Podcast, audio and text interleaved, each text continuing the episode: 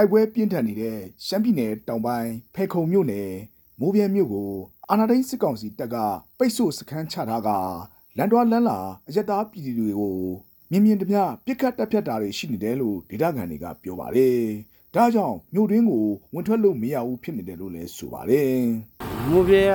ဝင်ထွက်လို့မရဘူးဗျာအချိန်ကြီးကမကောင်းပါဘူးဆိုတော့ရသားရလည်းပြစ်ခံနေရတယ်အဲ့လိုမျိုးဖြစ်နေတော့အဲဒါကြောင့် နောက်ပြီးတော့သူတို့ကလမ်းဘေးမှာသွားတဲ့လမ်းပေါ်မှာပဲအဲ့ခါကျတော့အဆင်မပြေဘူးဝင်ထွက်လို့အဆင်မပြေဘူးအခုလည်းအရသားအိမ်ထဲမှာနေနေတာအိမ်ကလည်းနည်းနည်းကောင်းတဲ့အိမ်ပေါ့နော်ကာဘာကောင်းတဲ့အိမ်မှာသူတို့ကရှိနေတယ်အမျိုးဖြစ်နေ။မိုးပြဲမြို့ကိုစစ်ကောင်စီတပ်ကအင်အားလုံးရင်းနဲ့ထိုးစစ်ဆင်နေတာကြောင့်ဒေသခံကာကွယ်ရေးတပ်ပေါင်းစုတွေနဲ့တိုက်ပွဲတွေဖြစ်ပွားနေပါတယ်။တိုက်ပွဲတွေအတွင်းစစ်ကောင်စီတပ်ကနေ့စဉ်လေကြောင်းတိုက်ခိုက်မှုနဲ့ လက်နက်ကြီးပစ်ကူအစမတန်ပေးနေကြောင်းဒေသခံကာကွယ်ရေးတပ်ဖွဲ့ဝင်တွေကပြောပါတယ်။ဒါအပြင်ချီလင်တပ်တွေကအရက်သားနေအိမ်တွေမှာဝင်ရောက်ထိုင်ချတပ်ဆွဲထားက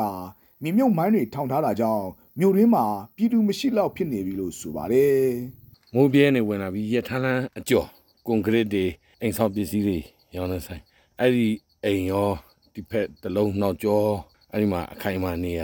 ဆွဲထားတယ်အဲ့ဒါပြီးတော့ကျွန်တော်တို့ကရမ်းပြည်တဲ့ နေတဲ့ဆန်ဆက်ကြီးအဲ့ဒီနေရာမှာလည်းသူကအထိုင်တစ်ခုခုချဖို့အဝိုင်းတူးနေကလံဘေးလေးဆင်းလိုက်တာနဲ့မိုင်းရှိမိုင်းနေတော်တော်များများထောင်တာဘလို့မှကတ်လို့တော့မရဘူးမိုးပြဲမြို့မှာလက်ရှိဖြစ်ပွားနေတဲ့တိုက်ပွဲတွေအတွင်းအာနာဒိန်းစစ်ကောင်စီတပ်ဟာဒေသခံအရက်သားပြည်သူ26ဦးကို